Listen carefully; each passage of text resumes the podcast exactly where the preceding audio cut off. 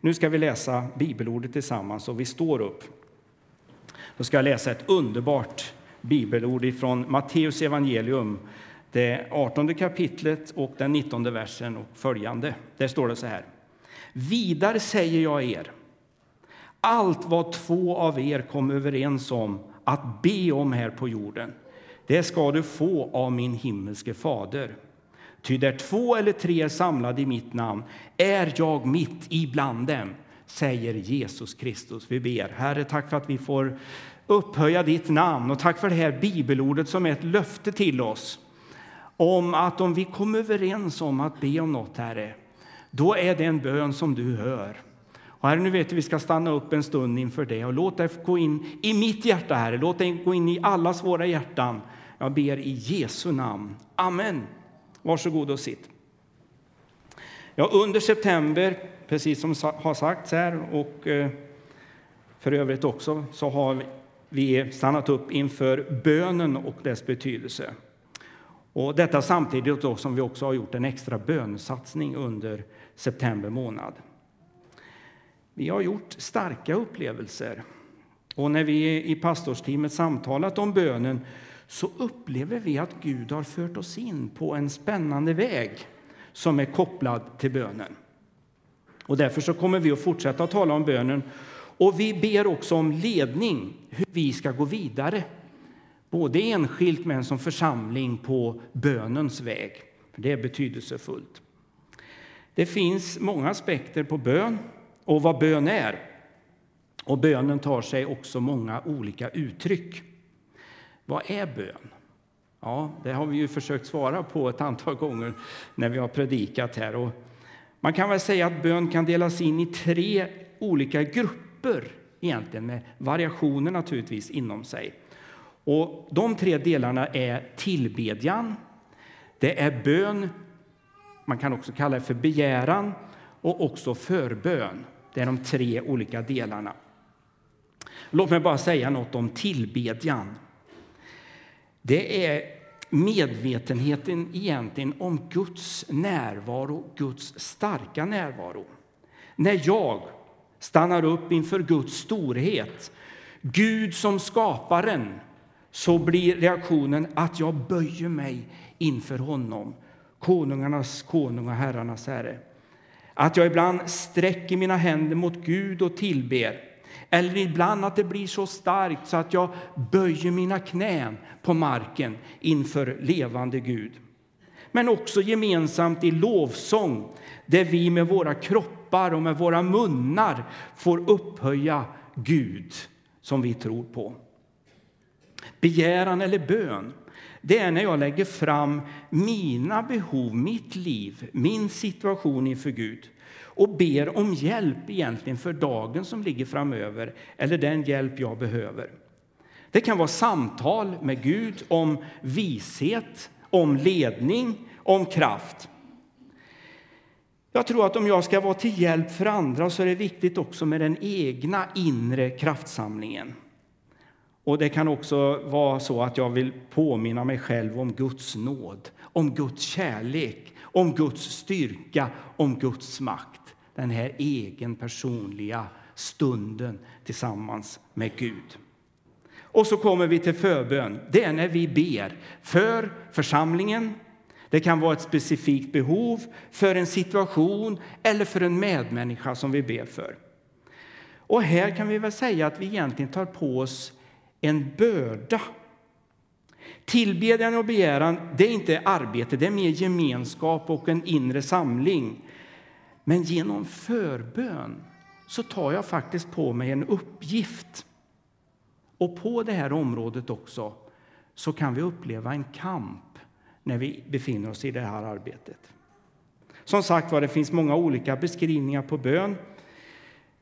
Tala om gemenskap, samtal, meditation, avskildhet, kontakt, arbete, Guds ande med mera. Ja, det finns många sätt att närma sig vad bön är.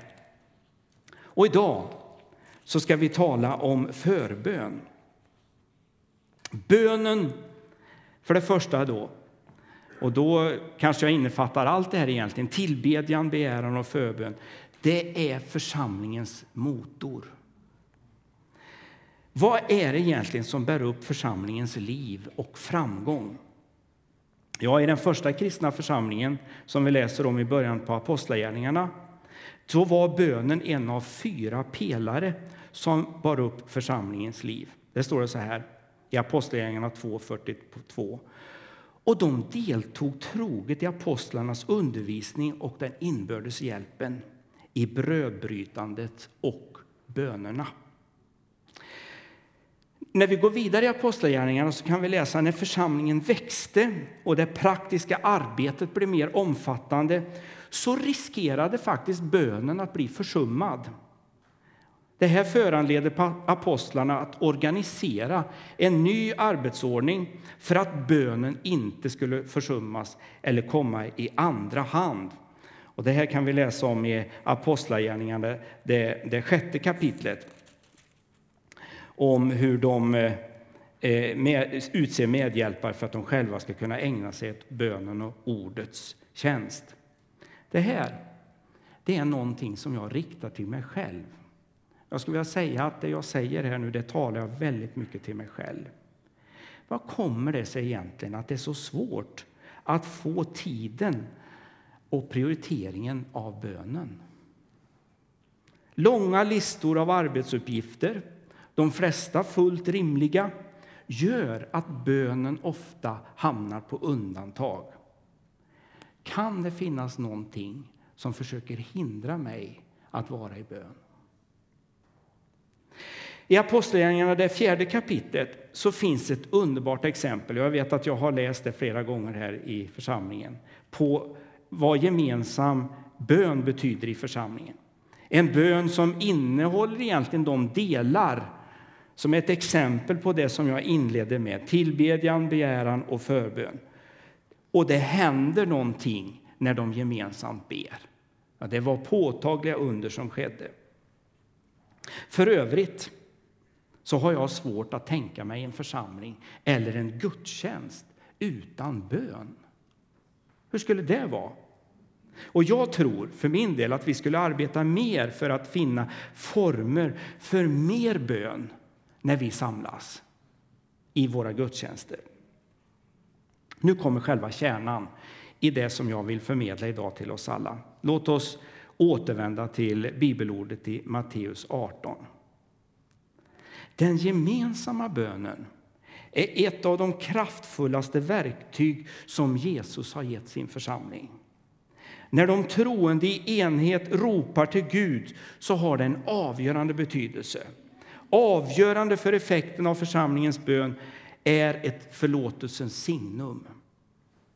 Det finns ett nyckelord här i de här verserna som jag utgår ifrån idag. Och det är ordet överens. Sug på det ordet en stund. Och när jag studerade studiebibeln inför dagens predikan, vilket jag gör, så finns texten på grundspråket. Det skrivs att det grekiska ordet är ett sammansatt ord egentligen av tillsammans och ljud. Egentligen symfonio, eller symfoni, det vill säga ett ackord i full harmoni. Jag sa inledningsvis att bönen ur en aspekt är ett arbete. Ett arbete att utföra i ett bärarlag i full harmoni. Och vet ni vad? När jag satt och funderade över det här bibelordet, överens, så kom jag att tänka på en annan bibelberättelse som jag, jag ska villigt erkänna, jag har inte riktigt tänkt på det i det här sammanhanget när jag talar om bön. Men det sammanhanget kan du läsa i Lukas 5. Och det handlar egentligen om de här som bar den lame mannen till Jesus. Det var tvungen att ske i full harmoni. De var tvungna att vara inställda på samma mål. De var inställda på att hjälpas åt att bära allihop. Ni vet, de skulle bära den här mannen till Jesus. Och när de kommer fram så är det så mycket folk som kommer inte ens fram till Jesus. Då fick de i full harmoni försöka fundera på hur ska vi nå fram till Jesus med mannen som vi har på vår bädd. Och så läser vi om att de klättrar upp och gör sig ett hår och så hissar de ner den här mannen framför Jesus. Och vad får mannen uppleva? Först och främst förlåtelse från Jesus Kristus. Och så börjar man att liksom eh, anklaga Jesus och fråga liksom, kan du ge människor förlåtelse? Och så har de ett resonemang. Men det slutar med att mannen blir helad och upprättad till både ande, själ och kropp. Och vad beror det på? Ja, det beror på att det fanns ett bärarlag som bar mannen fram till Jesus. Och jag tyckte att det var en fantastisk bild på den här gemensamma bönen. Om vi är överens om att be om någonting, då når vi fram till Jesus Kristus. Uppmaningen blir således till oss alla. Kom överens om att be. Det är bra att vara överens. Ja, grundtexten i, i Matteus 18 19 gav oss förutsättningen. Det ska vara som ett ackord, full harmoni tillsammans. Som en del kanske vet utav er här så har jag en bakgrund i Sveriges riksdag. Och I en demokrati så sker en omröstning som ni vet av olika förslag. Och innan de här besluten har tagits så kommer det som ett förslag och så sker det kompromisser och väldigt ofta så tas det ett majoritetsbeslut. Och det fungerar ju hyfsat, eller hur? Men om jag tillhörde minoriteten, nu är det liksom lite bekännelse här inför er. Men när jag tillhörde minoriteten så accepterar jag beslutet. Men jag ska villigt erkänna för att, att jag inte alltid hade full inspiration att arbeta efter det eller sprida budskapet om det. Men jag visste att det var taget i demokratisk anda och då skulle jag liksom följa det och arbeta utifrån det. Men inspirationen och inställningen kanske inte var hundraprocentig. När det gäller det som vi har läst här idag så fordras inget konvent. Det fordras ingen kongress. Ingen votering, inte ens ett församlingsmöte, står det om i den här texten. Det står så här att om två av er kommer överens om att be om någonting eller bära något i bön, så kommer det att ske. Och det gör ingenting om vi är fler. Jag kan inte uppfatta det i texten som att det inskränker sig till att ni ska vara en eller två eller tre stycken. Det gör ingenting om vi är fler. Och jag tänker naturligtvis på våra bönesamlingar som vi har haft och som vi har här i församlingen. Tisdagsbön, torsdagsbön, smågruppsamlingar med mera, där vi samlas en liten grupp. Och vi är väl överens om det vi ska be om, där vi känner harmoni och delaktighet. Den lilla församlingen, gruppen, är lika mycket Jesu församling som den stora. Vad är hemligheten i att det blir kraft när två kommer överens om att be om något? Jo, det har vi läst om i texten. Det är Jesu löfte om närvaro som gör bönen till en maktfaktor. Det står inte i texten att när ni kommer samman så kommer jag till er. Nej, Jesus han är redan på plats. Jesus han är där när de två eller tre möts. Vi har många aktuella bönämnen i vår församling. Och ända sedan i somras så har vi bett särskilt för barnen och ungdomarna, församlingens framtid. Och jag tycker, när jag studerar det nu, att Jesus han ger svar på den här bönen. Vi har många barn som kommer, vi har fler barn som kommer nu till vår församling. Fler familjer som kommer. Jesus svarar på bön. Och för att anknyta till missionen som jag vet att ni också ber för och som jag vill lämna som bönämne här igen med tanke på det jag har upplevt här för några dagar sedan. En särskild satsning som vi kallar för Key City eller nyckelstäder. Egentligen fyra städer utvalda till en början. Bangkok, Kairo, Dar es Salaam och Mexico City, enormt stora städer i världen. Allt fler människor flyttar till de stora städerna. Ni vet att vår mission och våra insatser har varit spridda mycket i byar och fått eh, vara, göra fina insatser och stora insatser där i år som ligger bakom. Men allt fler människor flyttar till de stora städerna. Om inte en alltför lägsen framtid så kommer de flesta människor att bo i de stora städerna. En enorm utmaning för den kristna kyrkan och för oss tillsammans där vi måste hitta vägar att nå inte minst den unga generationen. Och jag skulle önska att det fanns någon här som ville vara överens med mig om att be för det som vi har gått in i när det gäller nyckelstäder. Att vi skulle komma överens om att fortsätta att be för Paulina och Daniel Brolin som står mitt i Bangkok och som får förkunna evangeliet och nå särskilt unga människor med evangeliet om Jesus Kristus. Vill du vara med mig i förbönen för det här? Vi ber.